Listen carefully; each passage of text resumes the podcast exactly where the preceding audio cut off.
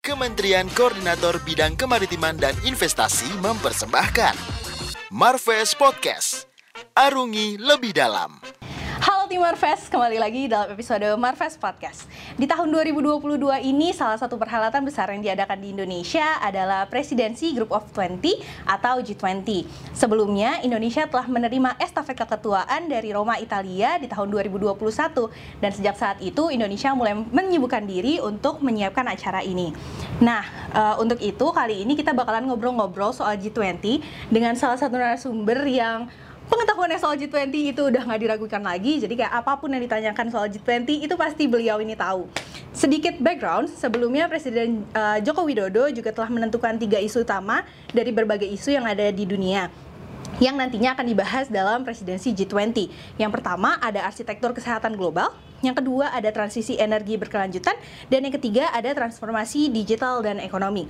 Langsung aja tanpa berpanjang-panjang, Mauro bakal ngajakin tim Marvas ngobrol-ngobrol sama Mbak Dila yang merupakan tim strategi komunikasi dari kantor staf presiden. Halo Mbak Dila. Hai Mbak. Mbak Kim. Iya sama-sama Mbak, aku suka banget sama Mbak Dila loh BTW.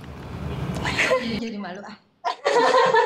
Oke, mungkin perkenalan dulu kali ya Mbak sama Mbak Dila supaya nanti tim Marves um, lebih kenal dan juga lebih sayang sama Mbak Dila.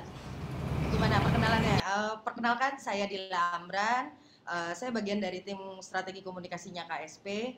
Uh, kami memang ditugaskan oleh Presiden untuk mengawal komunikasi program-program prioritas. Nah, tahun ini uh, yang paling prioritas banget mungkin semua juga udah tahu itu adalah G20. Jadi memang tim kami setahun terakhir uh, mencoba mengenal dan mengerti apa sih ini G20 supaya bisa komunikasi ini lebih baik lagi ke publik gitu ya. Jadi publik juga yang kita kejar adalah supaya publik mengerti, memahami dan juga berpartisipasi aktif uh, terlibat dalam bahasan-bahasan G20. Oke, okay. berarti Mbak Dila tuh udah uh, menggeluti soal G20 ini butuh berapa lama Mbak? waktu pertama kali kan uh, aku tuh nggak ngerti sama sekali ya urusan multilateral ke, ke diplomasi luar negeri gitu. Jadi butuh waktu dua bulan untuk ngerti strukturnya G20, belum lagi isu-isunya, isunya kan benar-benar uh, berat-berat ya. Itu G20 kan ada sekitar 11 working group kalau nggak salah. Yep. 10 11 gitu ya. Terus ada engagement group, belum lagi di financial track ada 6. Ya. Yeah. ada 6 working group. Nah, itu itu istilahnya udah aneh-aneh tuh sustainable financing ini apa? Barang apa ini? Gitu kan. Jadi dua bulan dulu. Waktu pertama kali ditugaskan ada di panitia nasional uh, tim komunikasi langsung koordinasi sama kominfo. Dua bulan keliling ikutin semua meeting belajar dulu. Ini apa? Gitu. Nah sampai sekarang sih uh, masih banyak substansi yang belum tahu detailnya tapi mudah-mudahan cukup untuk dikomunikasikan ke publik Ah, oke, okay. jadi sebenarnya G20 itu apa sih Mbak? Kenapa G20 yang konferensi tingkat tingginya itu cuma dua hari, tapi kenapa persiapannya itu lama banget gitu? Iya, jadi gini, uh, G20 itu kan uh, nanti di 15-16 November itu para leaders akan membahas, uh, nah isu-isu uh, gitu ya, Indonesia itu. Jadi sebagai presidensi G20, siapa pun itu ya, misalnya tahun ini Indonesia, tahun lalu Italia gitu, itu berhak menentukan kita mau bahas agenda apa sih gitu, yang uh, apa namanya yang kira-kira perlu diberesin uh, apa ya tantangan-tantangan global apa sih gitu. Karena kan G20 itu merepresent uh, seper dua per tiga dari penduduk dunia sekitar 76 persen ekonomi dunia. Jadi apa pun yang dibahas sama pemimpin dunia ini uh, kemungkinan besar dampaknya akan global gitu kan seluruh dunia akan ngerasain dampaknya nah Indonesia menentukan nih tiga isu utama yang tadi Maura udah bilang. Ada transisi uh, energi, ada uh, arsitektur kesehatan global, terus ada transi, uh, transformasi digital. Tiga isu ini tuh nggak nggak gampang. Kecil-kecilnya banyak nih, perintilan bawahnya banyak. Nah, bayangin kalau kita mau rapat, mau ngasih bos kita satu dokumen yang Pak ini ya Pak nanti dibawa di rapat gitu ya. Kan sebelumnya harus koordinasi dulu nih sama sesama peserta rapat lainnya, anak buahnya deh, kroco-kroconya gitu. Nah ini yang terjadi nih selama setahun. Menteri-menteri, dirjen-dirjen, sampai staff-staffnya semua dari 20 negara dan 19 negara undangan itu berulang kali datang ke Indonesia. Oke hari ini uh, meeting yang kali ini kita bahas apa ya? Misalnya di transisi energi itu ada macam-macam tuh. Uh, isunya salah satunya adalah gimana menyediakan energi yang uh, berkeadilan dan bisa uh, affordable buat semua, nggak cuma buat Indonesia, terutama buat negara berkembang yang mereka masih uh, mungkin minus energi, masih defisit energi gitu ya. Nah, datang nih staff-staffnya semua, semua eh kita di di negara gue nih masalahnya gini, di, terutama di negara berkembang gitu. Di negara gue masalahnya ini, oh ya udah nanti kita saling bahas. Itu satu isu loh. Kita punya tiga isu besar, di bawahnya tuh banyak banget isunya. Setiap working group ada sekitar 3 sampai 4 isu. Makanya mereka berulang kali datang ke Indonesia. Nah, itu diadain meetingnya setiap working group meetingnya bisa sampai 3 4 kali. Uh, jadi kita total-total itu kalau nggak salah meeting resminya ada 150-an lebih. Uh, side eventnya lebih banyak lagi, ada sekitar sampai 300 atau 400 gitu. Aku udah udah nggak udah nggak udah nggak kehitung deh. Nah, bayangin 20 ribuan delegasi selama ini bulak balik terus ke Indonesia. Ada sih yang pakai Zoom apa yang kalau lagi nggak bisa, negaranya lagi lockdown, dia, dia biasanya Zoom tuh. Gitu. Tapi kenapa harus dibahas? Kenapa harus setahun? Karena pembahasannya banyak banget. Nanti tanggal 15-16 udah disiapin tuh summary-nya semua udah udah udah kebayang oh posisi negara ini begini, posisi negara itu gini dan udah dibahas di bawah kayak oke okay, kita kita sepakat nih. Misal ada kesepakatan soal pandemic fund 1,4 miliar dolar. Itu setiap negara kan udah udah uh, udah apa ya ada beberapa yang sudah uh, komit gue ngasih segini ya gitu. Tapi ketok palu tanggal 15 November gitu. Karena kebayang dong 15 November pemimpin dunia dengan segala macam masalahnya itu dengan segala tantangannya cuma punya waktu dua jam loh buat ngobrolin itu gitu. Jadi harus disiapin dulu menuju sampai tanggal 15-16 November nanti. Gitu mau oh. gitu, Oke, okay, berarti selama ini meeting-meetingnya mulai dari working group dan lain-lain itu tuh posisinya bukan hanya di Bali ya Mbak? 19 kota kayaknya. Gue pernah ikut uh, kesehatan health working group itu di Solo. Pernah juga di Jogja, ada juga Labuan Bajo, sampai ada ke Toba, uh, macam sam oh women 20 itu ada di Manokwari. Oh, bayangin. Sampai ke timur uh, jadi kita sih berharap ya 19 kota ini dan kota-kota lainnya gitu kan. Kayak misalnya ada UMKM dari Ponorogo gitu kan mudah-mudahan mendapatkan dampaknya gitu. Karena memang 150 meeting plus 300-an side event tadi memang mudah-mudahan bawa dampak ke pariwisata kita, bawa devisa Dampak konkret dari G20 itu sendiri apa sih Mbak? Konkretnya, nah itu juga nih uh, bedanya Indonesia dengan presidensi lainnya. Indonesia itu kekeh banget, Presiden Jokowi itu gue inget banget, 9 November 2020 uh, eh, Bapak mengadakan rapat terbatas soal G20, dia kekeh banget di meeting itu, dia bilang, nggak mau, saya maunya ada solusi konkret, deliverables konkret. Ini yang membedakan kita dengan uh, pres uh, presidensi sebelumnya dan sebelum-sebelumnya gitu ya Indonesia itu karena mungkin kita after pandemi ya. Tanpa solusi konkret terus apa? Kita cuma sepakat-sepakat doang. Terus dijalanin nggak? Apa gitu. Nah jadi akhirnya terjadi banyak uh, kerjasama uh, yang konkret. Ya kita di salah satu contohnya pandemic fund 1,4 miliar dolar itu menjadi dana abadi kesehatan dunia. Bayangin uh, itu bisa dikelola oleh uh, yang ngelola itu nanti WHO duitnya ditaruh di World Bank dan itu dikelola buat make sure misal semua orang bisa mendapatkan vaksin. Dapetin vaksin kan nggak cuman vaksinnya ada, tapi ada sistem informasinya seperti apa, nakesnya kuat nggak. Nah, bayangin negara-negara berkembang itu nanti bisa mengakses duit itu. Misalnya dia minta apa? Capacity building, teknologi transfer, uh, dia minta pokoknya penguatan arsitektur kesehatan global. Nah, 1,4 miliar dolar itu gue juga udah nggak tahu tuh berapa ru triliun rupiah gitu ya. Itu bisa dipakai satu satu dunia gitu buat negara terutama buat negara berkembang. Jadi nanti one day harapan kami semua semua arsitektur kesehatan di seluruh dunia itu semua rata. Karena kemarin berasa ya pas kemarin misalnya ada satu negara yang nggak kuat nggak bisa ngasih vaksin akhirnya menjadi uh, ada varian ada mutasi baru di sana dan dan lu menularkan seluruh dunia lagi gitu. Jadi ternyata no one is safe until everyone is safe kan? Nah itu dana abadi kesehatan dunia tadi untuk memastikan arsitektur kita semua kuat untuk menghadapi ya mudah-mudahan nggak terjadi ya the next pandemic atau nggak the next crisis the next the next health crisis lah. Tapi apakah 1,4 miliar dolar itu hanya digunakan untuk um, penanganan COVID aja Mbak? Atau itu untuk segala macam penyakit? Kemarin baru selesai itu tanggal 27-28 Oktober eh, itu semua health minister dari eh, 20 negara datang membahas nih dia itu bisa buat apa aja ya gitu. Kalau nggak salah ada empat langkah atau enam langkah untuk penguatan arsitektur kesehatan global dunia. Mereka juga ngebahas soal tuberkulosis gitu ya penyakit-penyakit lain yang memang menjadi momok di dunia selama ini gitu. Jadi eh, dampak konkretnya yaitu pemerintah jadi lebih pemerintah 20 negara ini menjadi lebih pede untuk oke okay, yuk kita sama-sama kita gotong royong misalnya. Eh di negara gue tuh tuberkulosis tinggi ini loh, di negara lo setinggi itu di, di total nih. Oh, oke okay, yuk kita sama-sama. Di negara lo udah ada udah ada ini belum best practice. Jadi dong, gue tukeran dong ini capacity building dong kita gitu ter nakes gue gue kirim ya ke sana buat belajar gitu jadi ketika kita semua gotong royong ngadepin berbagai masalah tadi gitu ya nggak cuma masalah pandemi doang ya mudah-mudahan dunia jadi lebih baik gitu. Amin.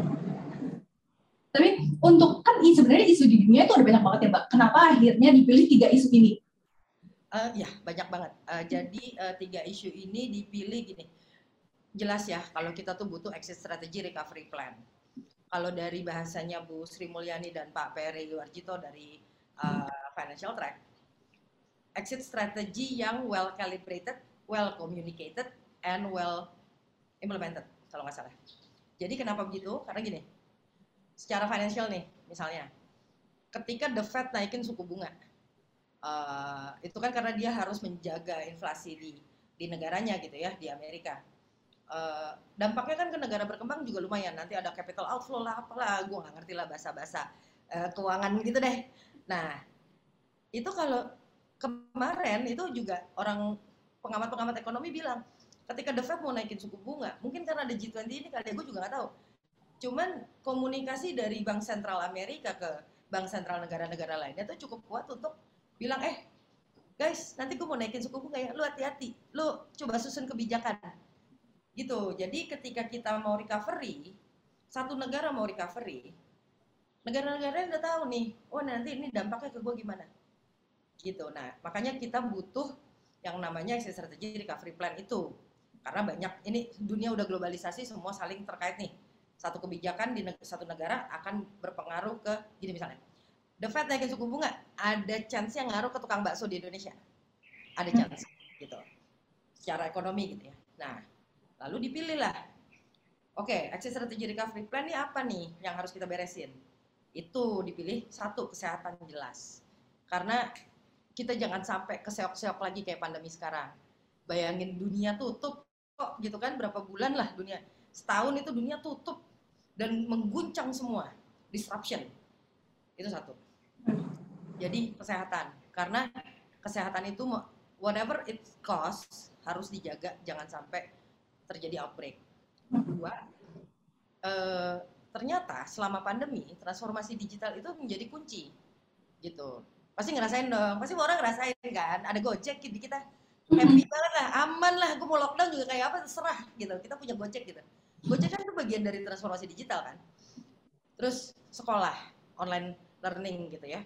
Uh, memang kita waktu awal-awal terseok-seok ketika kita harus melakukan uh, apa namanya sekolah dari rumah gitu cuman sekarang ternyata gila kita udah udah ya lihat aja kita sekarang zoom gitu tiga tahun yang lalu pernah kebayang nggak kita bikin podcast via begini gue di Bali lo di Jakarta gitu kan nggak pernah kan? Betul aja enggak sekarang rapat jauh lebih cepat lebih gampang gitu. Mau mau di mana pun orang yang berada gitu. Orang kadang-kadang kita sampai double screen gitu ya walaupun itu nggak baik juga gitu. jadi transformasi digital adalah jalan keluar buat kita tetap melanjutkan pembangunan. Jadi setelah pandemi ini uh, mengguncang semua, hikmahnya adalah digital. Nah, sekarang gimana caranya mentransformasi dunia supaya kita bisa ngegas lagi gitu. Ngegas dengan cara dengan cara yang bagus ya gitu. Gimana caranya kita bisa uh, melanjutkan pembangunan. Kalau di Indonesia kan concernnya kan adalah IPM. Ya apa indeks pembangunan manusia. Digital bisa bantu banget di situ. Gitu. Jadi kedua ada transformasi digital untuk pemulihan.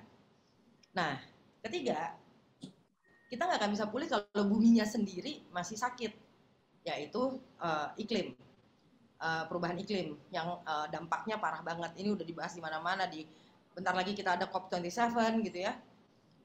Nah, akhirnya dipilih transisi energi sebagai salah satu bukan bukan bukan satu-satunya jawaban ya, salah satu jawaban untuk mitigasi perubahan iklim bagaimana akses energi ke seluruh uh, penduduk dunia ini satu semuanya dapat semua punya akses semuanya mendapatkan akses berkeadilan nanti lama-lama kita pelan-pelan bergeser ke energi baru terbarukan kayak misalnya listrik gitu ya kendaraan listrik komitmen pemerintah kan kuat banget sama uh, kendaraan listrik gitu ya walaupun masih banyak PR-nya masih banyak banget yang harus kita lakuin tapi transisi apa eh, penggunaan kendaraan listrik ini salah satu dari komitmen kita menjawab transisi energi. Mungkin kalau boleh ngomong dikit, kadang-kadang ada yang suka suka julid tuh. Itu stasiun pengisian listriknya belakangnya diesel. Iya, kita tahu. Cuman bayangin kita punya stasiunnya dulu loh. Kita punya mobilnya dulu. Nanti one day ketika kita udah nggak usah pakai diesel lagi, kita misalnya tiba-tiba kita udah punya teknologinya buat solar panel yang bisa ngecharge mobil yang nggak perlu gede-gede banget gitu dengan gampang akan kita rubah karena nanti kendaraan semua orang udah pakai kendaraan listrik nanti sumber listriknya secara agregat bisa kita rubah kalau sekarang kan mau ngerubah semua orang pakai BBM semua pakai fosil. Gitu. Nah sekarang mobilnya dulu kita rubah. Nanti lama-lama sumbernya. Nah itu. Itu tiga. Itu tuh makanya dampaknya kalau tadi dari penjelasan gue panjang tadi dampaknya ngaruh banget ke masing-masing diri kita sendiri gitu ya. Uh, apa pun nanti yang dibahas di G20 akan menjadi kebijakan akan menjadi prinsip yang disepakati di G20 akan jadi komitmen-komitmen kerjasama terturun tuh ke kebijakan nasional kebijakan nasional terturunnya buat siapa? Buat kita lagi. Kayak tadi transformasi digital terus kalau tiba-tiba kayak oke okay, nggak ada semuanya pakai toko online gitu kan kita juga yang kena gitu kita juga yang terdampak kita juga yang untung juga mudah-mudahan gitu. Nah gitu kurang lebih. Kalau misalnya goal akhir dari G20 presidensi G20 di Indonesia itu apa mbak? Sama recover together recover stronger itu sebenarnya aimnya apa? Dan maksudnya apa? Itu sebenarnya bahwa terjadi kesepakatan terjadi uh, kerjasama kalau aku nyebutnya gotong royong G20 itu nggak nggak ada bedanya sama musyawarah untuk mufakat yang kita lakuin selama ini. Kayak arisan tetangga atau enggak? Asli ini satu komplek, namanya Bumi. Ada 20 orang yang paling kuat di situ. Eh, arisan yuk ngobrol. Gitu.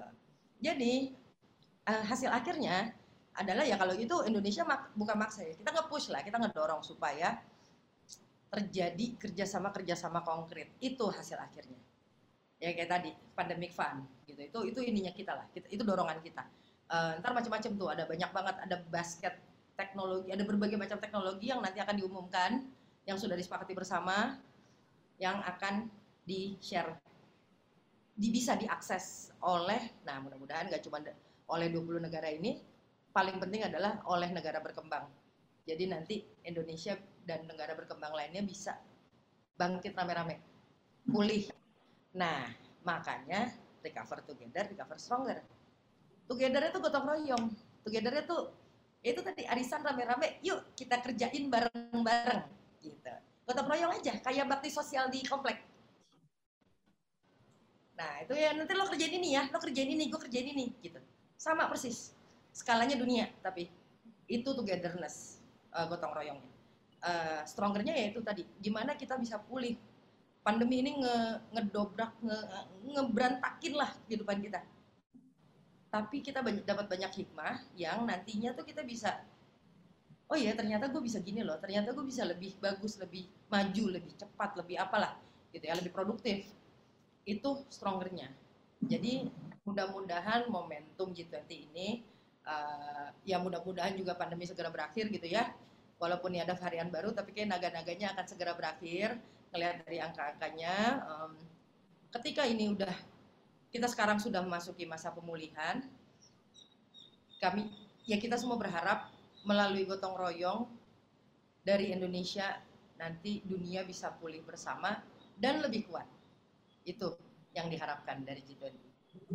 Oke, berarti message-nya emang recover together, recover stronger, dan itu nanti dikemas lewat strategi komunikasinya ya Mbak? Ah, lebih gitu lah. Ngomongin gotong royongnya terus. Tapi kalau misal harapan dari Mbak Dila sendiri apa Mbak dari, dari diadakannya G20 ini?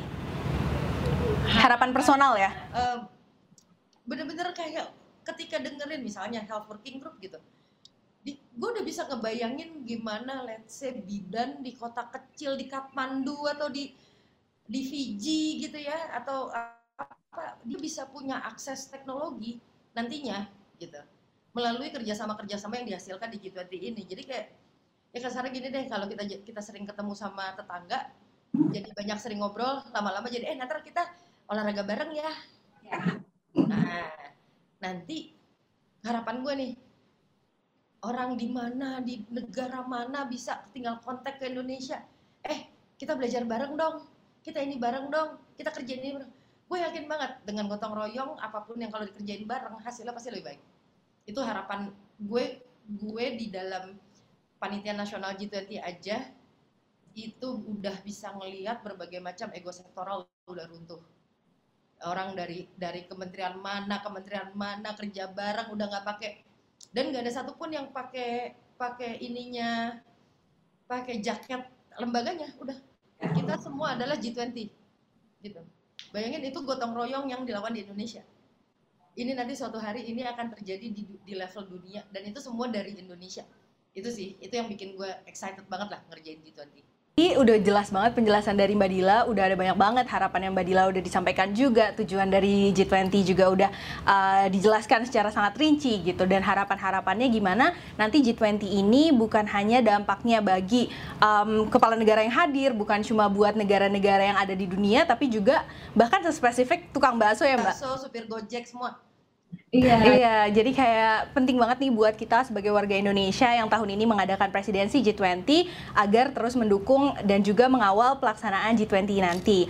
Untuk KTT-nya sendiri nanti akan diadakan di tanggal 15 sampai 16 November 2022 di Bali dan nantinya akan dihasilkan sebuah komunike ya Mbak harapannya. kita maksudnya di di tengah kondisi geopolitik ini mungkin komunike bukan satu uh, ini yang visible ya satu tujuan satu hasil akhir yang visible. Tapi apa pun itu bagaimana uh, itu kan komunike hanya sebuah dokumen. Tapi perjanjian kerjasamanya itu yang kita kejar. Gimana uh, ini udah banyak nih yang minta pertemuan bilateral gitu. Kami berharap di Bali nanti di suasana yang yang seperti yang gue rasakan sekarang nih dengerin suara laut. Enak deh gitu kan rasanya kan lebih adem ya lebih santai gitu. Nah kami harap di Bali nanti para pemimpin dunia dengan kondisi kon, apa namanya ambience yang enak ini gitu bisa ngobrol. Tetangga yang selama ini berseteru bisa ngobrol. Yang selama ini ngomel-ngomel soal ini mau nutup-nutupin jalan gitu. Nah ntar ngobrol deh di sini gitu. Karena suasananya enak banget di sini. Ya emang kita semua tahu lah ya Bali punya energi tertentu gitu kan. Nah energi itulah yang kita kita tawarkan kepada para pemimpin dunia 15-16 November nanti. Yuk ngobrol duduk bareng musyawarah gotong royong. Nanti jadi nggak nggak peduli mau komunikasi bukan. Yang penting kita sepakat ya kita kerja bareng gitu. Itu itu sih yang kita lebih kejar Oke mantap, makasih banyak ya Mbak Dila sudah meluangkan waktunya dalam acara hari ini, dalam podcast kali ini. Uh, terus saksikan Marves Podcast di YouTube Kemenko Marves dan juga di Spotify Marves Podcast. Dan Mbak Dila, see you next time. Sampai ketemu lagi di Bali. Terima kasih Mbak. Dadah. terima kasih Mbak Iya. Kementerian Koordinator Bidang Kemaritiman dan Investasi mempersembahkan Marves Podcast. Arungi lebih dalam.